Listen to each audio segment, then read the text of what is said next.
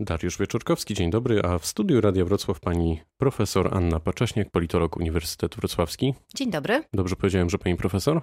E, doktor habilitowana, zwyczajowo się mówi profesor, ale do profesury jeszcze trochę poczekam. No dobrze. E, wybory za nami, gorące komentarze również, a teraz czas na chłodne spojrzenie i konkrety. Prawo i Sprawiedliwość będzie się musiało podzielić władzą, no bo parlament pozostaje e, w rękach rządzących, natomiast Senat e, trafił do opozycji. To wiemy na pewno, czego nie wiemy. E, to znaczy, ja już bym od razu na wstępie trochę skorygowała, bo to Bardzo nie do końca proszę. tak jest, dlatego że jeżeli popatrzymy na senatorów, którzy są startowali z komitetów partyjnych, no to ich jest jednak mniej niż senatorów Prawa i Sprawiedliwości.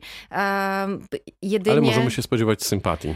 Tak, tak. Ja dzisiaj usłyszałam w jednej ze stacji radiowych, jadąc tutaj do Państwa, że Borys Budka tę trójkę niezależnych senatorów określił jako tych, którzy są po jasnej stronie mocy. Jak rozumiemy, oczywiście jeżeli mówi to polityk opozycji, to jasną stroną mocy dla niego jest ta część opozycyjna. Więc w tym sensie oczywiście widać chociażby po reakcjach Prawa i Sprawiedliwości, że Prawo i Sprawiedliwość również założyło, że ci niezależni senatorowie, większość z nich nie jest po stronie Prawa i Sprawiedliwości, no i w tym momencie rzeczywiście ta układanka jest e, interesująca. Interesująca oczywiście e, to słowo przekleństwo dla polityków e, czasami, bo ona jest może interesująca dla obserwatora sceny politycznej, bo jednak coś się zmieniło po tych wyborach i myślę, że zupełnie nie w tym kierunku, w którym rządzący do, do 13 października i po 13 października się spodziewali. A jest pani zaskoczona takim rozstrzygnięciem? Mm, to znaczy, zaskoczona jestem e, bardziej tym, reakcją. Jak, jak te siły się poukładały? Um, w zasadzie można powiedzieć, że jako obserwatorka sceny politycznej i tego, co wskazywały sondaże, e, podobnie chyba jak partia rządząca, spodziewałam się, że e, to zwycięstwo e, zwycięzcy, czyli Prawa i Sprawiedliwości, czy Zjednoczonej Prawicy, będzie miażdżące i ono jest niekwestionowane, jeśli chodzi o Sejm. Natomiast no jest tak naprawdę utrzymany status quo, jeśli chodzi o liczbę mandatów, czyli jest dokładnie taka sama liczba mandatów, jak na początku kadencji 2000 2015. Potem oczywiście e, część posłów e, zdecydowała, chociażby tych, którzy byli wybrani z e, Komitetu Kukiz 15, ale również pojedynczy posłowie z innych partii opozycyjnych zdecydowali się zasilić klub Prawa i Sprawiedliwości, więc z tej perspektywy to nowe otwarcie po 13 października jest jakby dla Prawa i Sprawiedliwości powrotem do punktu e, startowego 2015, e, a na pewno e, nie takie było oczekiwanie i chyba jednak nie takie było oczekiwanie wyborców, bo oczywiście nie można lekceważyć tego, że ponad 2 miliony więcej osób zagłosowało na Prawo i Sprawiedliwość. Czyli w sumie jest, 8 milionów. Tak, to jest bardzo silny mandat. Oczywiście opozycja to niuansuje, kwestionuje, mówiąc w tak, kwestionuje oczywiście nie liczby, natomiast mówi, że zostało tak dużo zaprzęgniętych zasobów, żeby e, zdobyć to poparcie, że można było oczekiwać więcej. I zresztą e, pamiętajmy, że prezes Prawa i Sprawiedliwości Jarosław Kaczyński sam to powiedział podczas wieczoru wyborczego. Oczywiście nie w takim sensie, że tak dużo wydaliśmy, ale powiedział, że dostaliśmy dużo, ale zasłużyliśmy na więcej. To prawda. A spodziewa się pani, że Prawo i Sprawiedliwość będzie próbowało odbić Senat, podkupując w cudzysłowie pojedynczych senatorów? No to Może znaczy... nie na samym początku, ale gdzieś tam w trakcie. Yy, oczywiście to yy, jest kusząca propozycja dla partii, która chciałaby yy, kontynuować na przykład szybki proces legislacyjny, yy, żeby przeciągnąć na swoją stronę wybranych senatorów.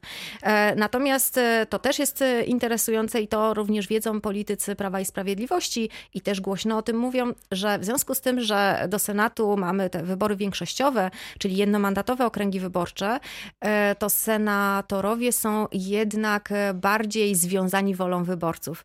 E, a polaryzacja przed e, tymi wyborami była tak silna, że trudno założyć, że ktoś, kto głosował na senatora, który nie był reprezentowany, czy nie był kandydatem Prawa i Sprawiedliwości, że tak naprawdę jego wolą było, żeby on, ten senator senator zmienił barwy. Czyli to byłoby polityczne samobójstwo, innymi słowy, gdyby taki senator zdecydował się na zmiany barw klubowych. No tak, tylko można powiedzieć sobie, że skoro wybory mamy co 4 lata, to jeżeli, nie chcę tutaj nikomu podpowiadać i być adwokatem diabła, natomiast jeżeli to się zrobi na samym początku, to jest duża pokusa wśród polityków, żeby pomyśleć, że wyborcy zapomną.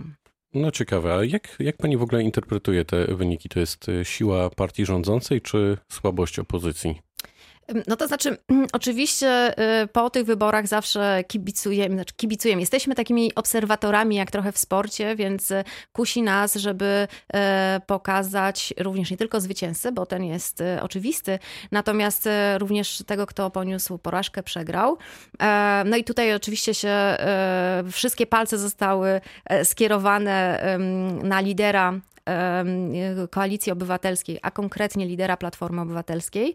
E, więc i zostało to okrzyknięte, że właśnie to jest e, jakby część sukcesu Prawa i Sprawiedliwości wynika ze słabości e, opozycji. Ale z drugiej strony też widzimy, że wiele partii opozycyjnych czy jest zadowolonych z tego wyniku, tak? Czyli e, Polskie no, Stronnictwo wraca Ludowe. po czterech latach do Sejmu. Tak, Lewica jest zadowolona i to nie tylko e, sam Sojusz Lewicy Demokratycznej, który był, którego szyld e, był przypisany do tego komitetu, co jest jasne, natomiast też nie było tak w tym, w tym komitecie lewicowym, że do Sejmu w większości weszli posłowie nowych partii, czyli Wiosny i Lewicy. Sojusz Lewicy Demokratycznej też wprowadził swoich. No i oczywiście Konfederacja. To jest e, to ugrupowanie, które e, mogło być dla e, wielu obserwatorów sceny politycznej zaskoczeniem, dlatego że sondaże były nie do końca jednoznaczne, jak to będzie. Poza tym ci, którzy patrzą na to, co się dzieje w ciało w 2019 roku na scenie politycznej,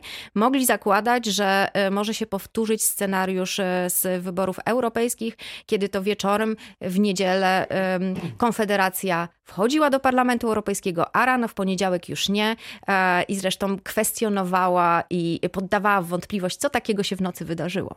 To prawda, że ich e, zabrakło. Opozycja poszła w sumie w trzech blokach. E, myśli pani, że że powstaną też trzy kluby? Jak to się poukłada w Sejmie? Jak to się może poukładać? Ach, może być nawet więcej klubów. No właśnie. E, dlatego, że e, jak popatrzymy sobie, tutaj przede Pytam wszystkim w kontekście tego, czy ta opozycja też będzie taka spójna jak w trakcie wyborów. E, to znaczy spójna e, w trójcy, tak spójna można trójcy, powiedzieć. Tak, tak. Jest. E, to znaczy już się pojawiły głosy w, wśród posłów lewicy, w związku z tym, że to były trzy byty, czy to są trzy byty polityczne, to partia Razem zastanawia się, jeszcze nie podczas wieczoru wyborczego, ale już te sygnały zostały wysłane. Ja mam wrażenie, że to jeszcze wcale nie musi oznaczać, że rzeczywiście, bo oni mają za mało posłów żeby stworzyć klub, czyli to by... E, może być koło. To może być koło, bo tu wtedy wystarczy trzy osoby, więc w zasadzie ich tam jest sześcioro, e, więc wystarczy e, na stworzenie koła. Ale czy politycznie to ma sens w dłuższej perspektywie? Ja mam wrażenie, że to ma sens przede wszystkim do wewnątrz partii, dlatego że partia razem jest partią bardzo wewnętrznie zdemokratyzowaną e, i e, lider, na którego został tak naprawdę namaszczony Adrian Zandberg, trochę przez media, ale trochę też była to decyzja, mimo że jest to partia, która ma wielu liderów, e, nie mógł moim zdaniem powiedzieć, że taka decyzja już, już została podjęta, że idą wspólnie w jednym klubie parlamentarnym, dlatego że członkowie byli, poczuliby się e, jakby oszukani. To oni muszą również e, partycypować w tej decyzji. Natomiast e, Robert Biedroń, czyli lider wiosny, już sygnalizuje, że uważa, że najbardziej sensowny jest wspólny klub z Sojuszem Lewicy Demokratycznej. Więc być może, że będą to dwa byty, raczej nie trzy. Jeśli chodzi o Kukiz i PSL, czyli kolejna koalicja, tak zwana koalicja polska, no tutaj raczej to będzie wspólny Y, klub parlamentarny. No bo rzecz jasna chodzi o to, y, to, to daje y, możliwość obsadzenia wicemarszałka. To jest dłuższy czas w debatach parlamentarnych. No, rozdrobniona opozycja to jest na pewno coś, na co czeka Prawo i Sprawiedliwość, bo wtedy łatwiej byłoby ją rozbić, mówiąc tak, wprost. I rozegrać. Też, to prawda, natomiast jasne jest też, że każdy klub parlamentarny będzie chciał pokazać jednak swoją specyfikę. Pamiętajmy, że w maju czekają nas jeszcze jedne wybory i potem znowu będzie długo spokój. Za chwilę, za chwilę do tak. tego przejdziemy. Grzegorz Schetyna popełnił błąd, pani zdaniem? To przyjdzie czas na rozliczenia niebawem? To znaczy pytanie, jaki błąd? Bo to jest tak, że oczywiście... Szeroko pojęty taktyczny. Tak, oczywiście to jest naturalne, że, że patrzymy teraz już jak mamy wyniki na, na stole, to zastanawiamy się, czy można coś było zrobić lepiej. Też nie jest tak, że y, lider y, największej partii opozycyjnej y, może realizować swoją taktykę od początku do końca, bo przecież tutaj. Ale próbował to robić, chociażby próbował... w przypadku wyborów do Europarlamentu. Tak, natomiast potem wydawało się, że mimo tego gorszego niż spodziewany wynik w, w parlament, do Parlamentu Europejskiego, że ta współpraca może być kontynuowana. Natomiast chcę powiedzieć, że są różne podmioty i to nie jest tylko wola e, tego, który inicjował e, rozmowy, czyli Grzegorza Schetyny, ale również innych podmiotów. I tu myślę o e, Władysławie Kosiniaku-Kamyszu, który zdecydował bardzo szybko, że jednak opuszcza ten okręt. No on i... chyba nie miał innego wyboru. No, jak sobie przypomnę komentarze w czerwcu, to większość osób mówiło, że to jest samobójstwo. Po, w momencie, kiedy jeszcze było kolejne zaskoczenie, że PSL pójdzie do wyborów do Sejmu z Kukiz 15, e, no to wszyscy okrzyknęli, że jest to najbardziej egzotyczna koalicja. No i okazało się, że, e, że czasami warto sens, podjąć zaryzykować. ryzyko. Kto tak. może być nowym liderem opozycji? Widzi pani kogoś e, dla jakąś alternatywę dla Grzegorza Schetyny? czyli mówi pan teraz konkretnie o liderze szeroko całej, pojętej, tak szeroko jest, opozycji. pojętej opozycji. Ja myślę, że to się teraz nie uda zrobić w ten sposób, żeby to była tylko jedna osoba, dlatego że e, w momencie, kiedy właśnie PSL pokazało, że e, jest partią dobrze ugruntowaną, plus lewica wróciła do parlamentu, czyli też nabrała wiatru w skrzydła, nie będzie takiej zgody, żeby tym liderem opozycji ktokolwiek by z Platformy nim był, żeby to właśnie był polityk Platformy Obywatelskiej. Może być to ktoś inny. Widzi pani kogoś takiego? No, właśnie. Pytam właśnie w kontekście tych wyborów prezydenckich. Czy mhm. będzie jakiś jeden kandydat e, opozycji? E, do, na pewno e, partie opozycyjne będą teraz się przyglądały sondażom.